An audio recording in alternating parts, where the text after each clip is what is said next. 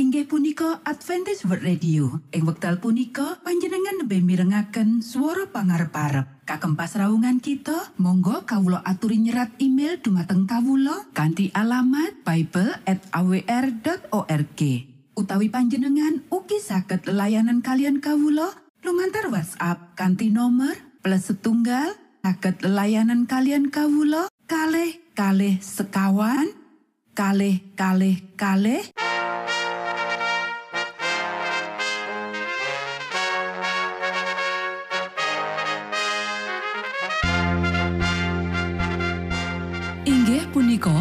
Adventist World Radio ingkang giaran kanti basa Jawi. Tentrem Rahayu kula aturaken kagem para mitra kinasih ing pundi papan lan panggonan. Sugeng pepanggian malih kalian Adventist World Radio. Kanti bingahing manah Kulo badhe sesarengan kalian para mitra kinasih lumantar saperangan adicara ingkang sampun rinonci mligi kagem panjenengan sami. Mugi giaran punika saged migunani tuwin dados berkah kagem kita sedaya. Sugeng midhangetaken Gusti amberkahi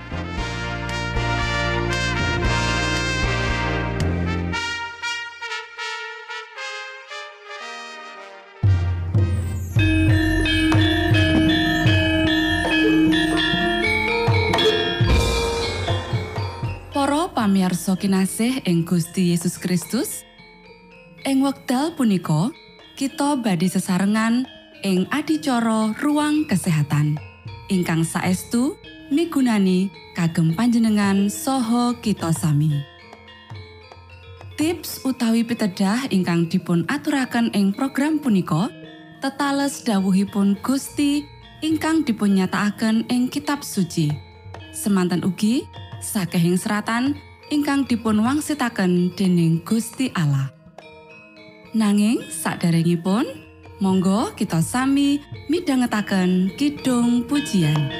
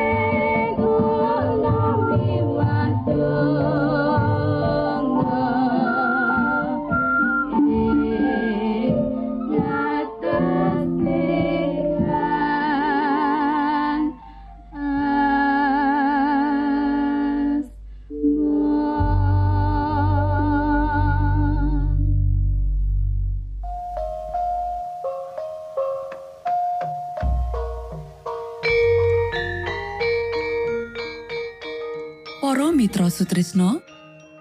Puji syukur dumateng Gusti ingkang murbeng dumati ingkang sampun kepareng paring wewenngan kagem kita. Satemah saged nglajengaken ruang kesehatan. Pirembakan kita semangke kanthi irah-irahan. Panganan sing cukup nyihatake.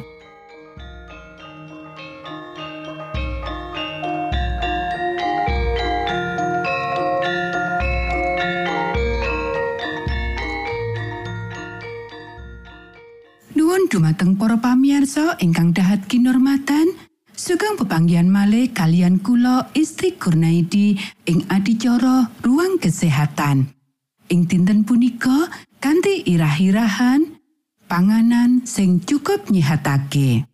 Para sederek ingkang kinasih, amarga mangan mung kanggo maremake selera sing rusak ya iku salah, iku ora ateges menawa kita ora peduli sakjroning panganan kita. Iku ya iku masalah kebutuhan utama. Ojo ana wong mangan kanthi cara sembarangan. Akeh wong sing diringkehake amarga lelara lan merlokake panganan sing dimasak kanthi apik nganti panganan iku nyihatake. Saandure kabeh bab, para reformator kesehatan kudu ngati-ati tumrap kebangetan. Badan merlokake panganan sing cukup nyihatake. Gusti Allah ing sakjroning katresnane jangkepi manungsa karo panganan sing nyokong kesehatan badan jroning kahanan sing paling becik. Kanggo ngentuki kesehatan sing becik, kita kudu nduweni getih sing becik amarga getih iku sing nguripake kita. Getih iku ndandani lan ngrumat badan. Menawa getih iku diisi karo unsur panganan sing becik, lan menawa getih iku diresiki lan diuripake dening hawa resik mula iku bakal nggawa panguripan lan kekuatan marang saben organ badan. Sansaya sampurno peredaran getih sansaya becik pakaryan bisa dilakokake. Para sederek Gusti wis nyangkepi manungsa karo sarana sing limpah kanggo maremake selera sing durung rusak Gusti Allah maringake ing ngarepe manungsa kabeh hasil bumi kanthi jinis sing maneka warna sing cocok karo selera lan bergizi. Ngenani bab iki, Romo kita ing swarga kang welas asih ndawuhake supaya kita mangan iku kanthi mardika. Woh-wohan, wiji-wijian lan jejanganan sing dicawesake kanthi cara sing prasaja, bebas saka bumbon-bumbon lan kabeh macem kajeh, bakal dadi panganan sing paling nyihatake menawa dicampur karo sedidik susu utawa krim. Panganan iku bakal ngrumat badan, menehi kuasa daya tahan lan kekuatan intelek sing ora ana sakjroning panganan sing rangsang. Para sederek, kabeh sari panganan sing kita perlokake ana ing sakjroning wiji-wijian, wowoan, kacang-kacangan lan jejanganan. Menawa kita marak ing ngarsaning Gusti kanthi kaprasajan pikiran panjenengane bakal ngulang kita. Kepiye carane nyawisake panganan sing nyehatake? Bebas saka panganan daging sing ngrusak kesehatan. Para sedherek ingkang kinasih pirang-pirang ing antaraning sedulur kita kanthi cara sadar ngindani panganan sing ora becik lan ing wektu sing padha nglirwakake panganan sing kutune menehi unsur penting kanggo ngrumat badan. Ojo kita nyekseni tentang reformasi kesehatan kanthi orang nggunakake panganan sing nyehatake lan enak gantine nggunakake panganan sing mepayani ya iku sing wis ditinggal. Ketelitian lan pangerten dibutuhake jroning nyediakake panganan sehat kanggo ganti panganan sing ditemokake ing meja nedha akeh keluarga. Pambudidaya iki merlokake iman ing sakjroning Gusti Allah sarta tekad temenan lan kekarepan kanggo mitulungi wong liya. Panganan sing kekurangan unsur sing nyehatake bakal nggawa panyenyamah marang pakaryan reformasi kesehatan. Kita ya iku fana. Kanti mangkono, kita kudu njangkepi diri kita karo panganan sing bakal nyokong kalangsungane panguripan kita. Matur nuwun, Gusti amberkahi.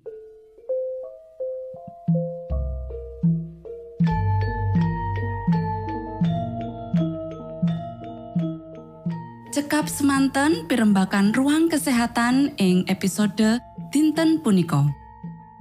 Ugi sampun kuatos jalaran kita badhe pinanggih malih ing episode sak lajengipun.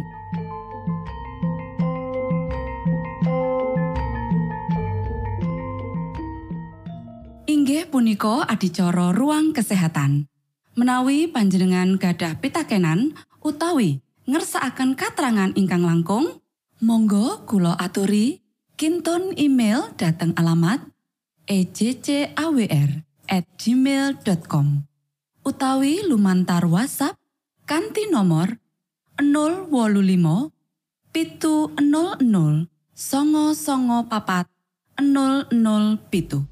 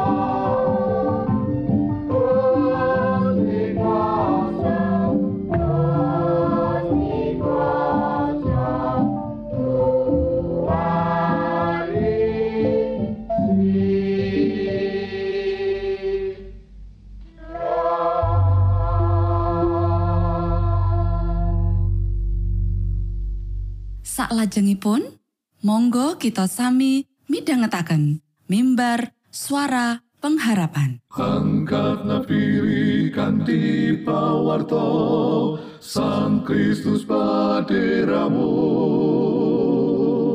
Pro umat samyo puji asmanyo Sang Kristus paderamu Inggih punika mimbar suara pengharapan.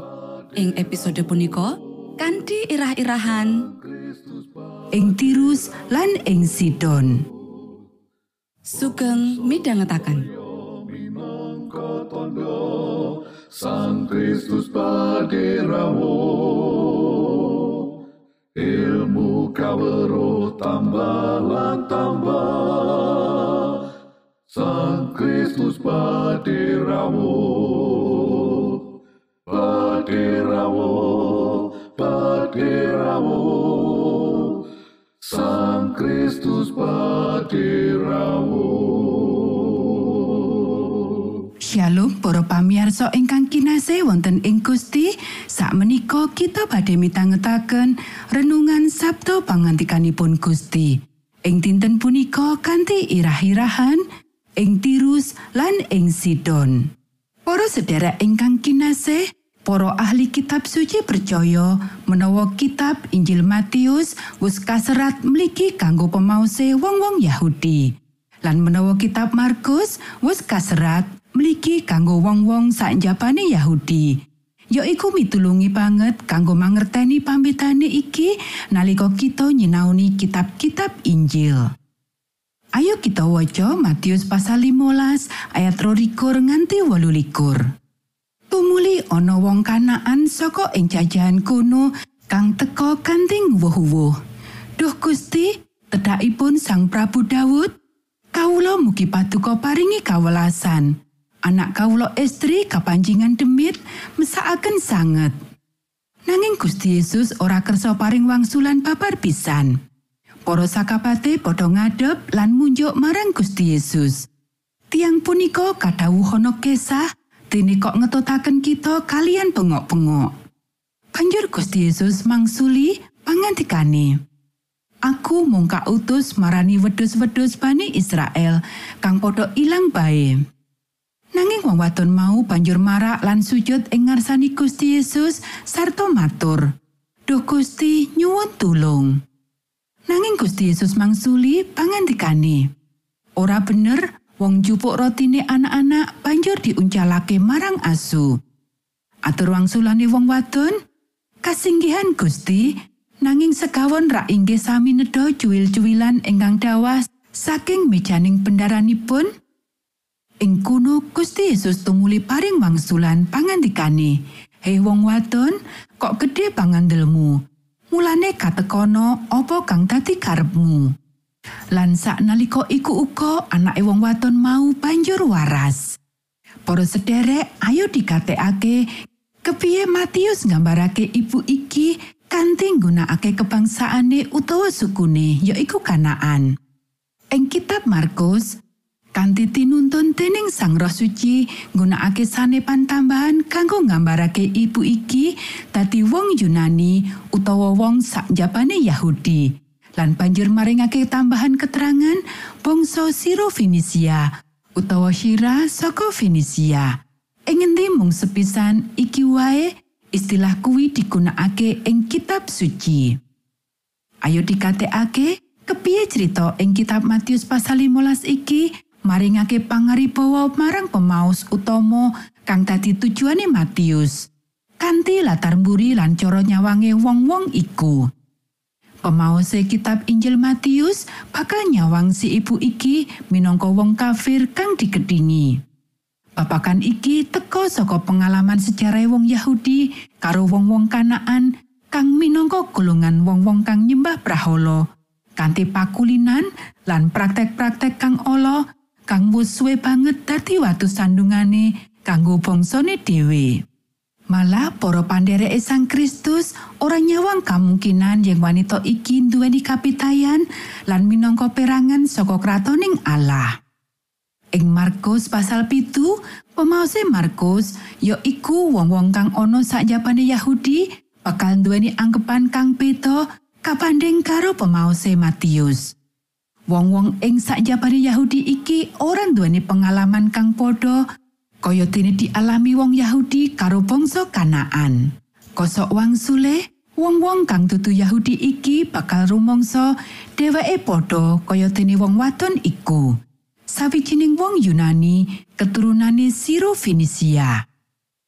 Para sederek, Gusti Yesus nyarasake sawijining saka wong-wong iku.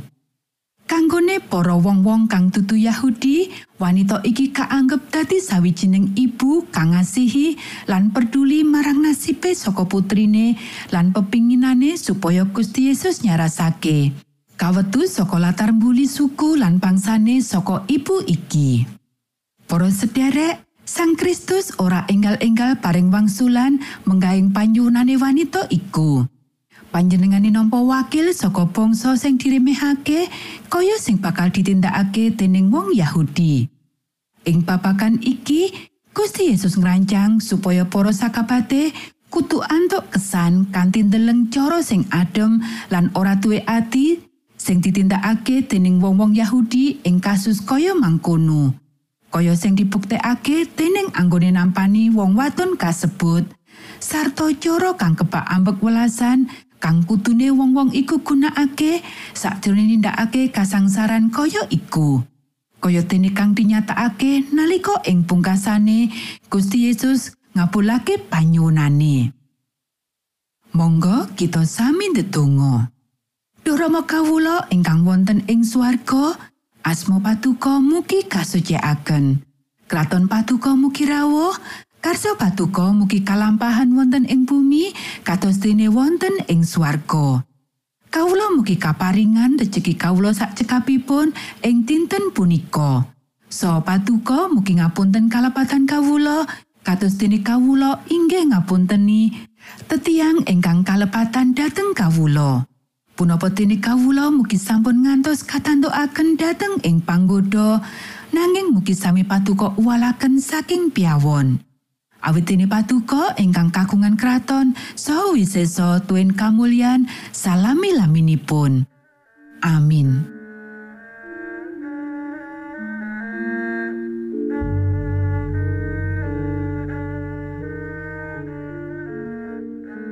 Para Mitra Sutrisno pamiarsa kinasih ing Gusti Yesus Kristus sampun paripurno pasamuan kita ing dinten punika menawi panjenengan gadah pitakenan utawi ngersaakan seri pelajaran Alkitab suara nubuatan Monggo Kulo aturi kinton email dateng alamat ejcawr gmail.com utawi lumantar WhatsApp kanti nomor 025 pitu 00 songo songo papat 00 pitu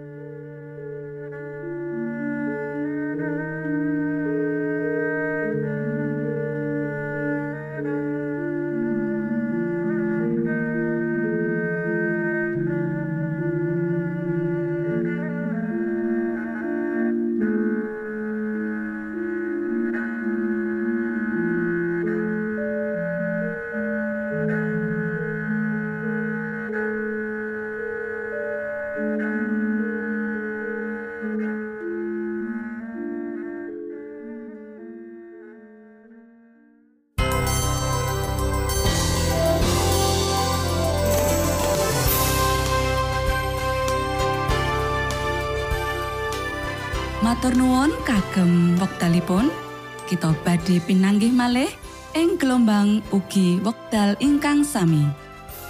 Saking studio kula ngaturaken tentrem rahayu. Gusti amberkahi kita sedaya. Maranata.